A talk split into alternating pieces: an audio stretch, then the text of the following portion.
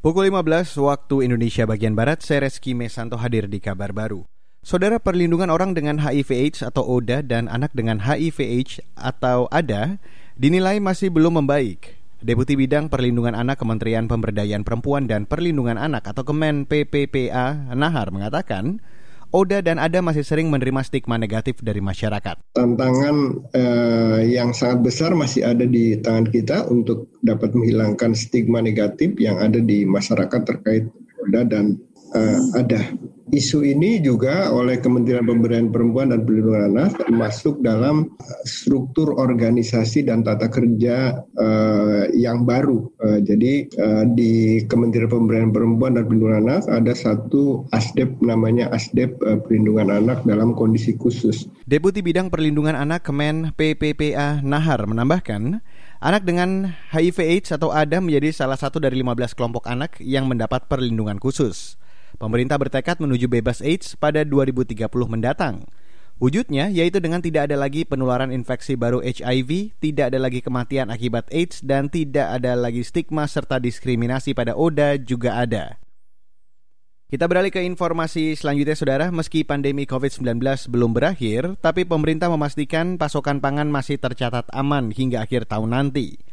Menteri Pertanian Syahrul Yasin Limpo bahkan menyebutkan sektor pertanian mencatatkan pertumbuhan positif hingga 2,15 persen. Sejumlah percepatan akan dilakukan untuk semakin meningkatkan pertumbuhan. Tahun depan, menurut Syahrul, kementeriannya akan membuka lahan baru seluas 250 ribu hektar untuk mendukung ketahanan pangan. Kemudian ada juga diversifikasi makanan sekarang kami dorong menjadi bagian-bagian uh, untuk satu provinsi satu uh, pangan lokal yang dikonsentrasikan. Ada ubi kayu, ada jagung, ada sagu, ada pisang, ada kentang, ada sorghum, ada talas dan semua harus bermuara pada bagaimana mempersiapkan sampai industrinya. Menteri Pertanian Syahrul Yasin Limpo menambahkan peningkatan pangan lokal, penguatan cadangan dan sistem logistik pangan akan dilakukan untuk membantu pemulihan ekonomi nasional. Beralih ke informasi selanjutnya, saudara guguran awan panas dari Gunung Semeru di wilayah Kabupaten Malang dan Lumajang, Jawa Timur hari ini meluncur hingga sejauh 3 km. Luncuran itu mengarah ke Besuk Koboan di Lumajang. Kepala Pusat Data Informasi dan Komunikasi Kebencanaan BNPB Raditya Jati mengatakan, hujan yang bercampur abu vulkanik terjadi pada pukul 3 dini hari tadi di sekitar pos pengamatan. Data sementara dari BPBD Lumajang menyebutkan, sekitar 500 warga mengungsi di sejumlah titik pengungsian.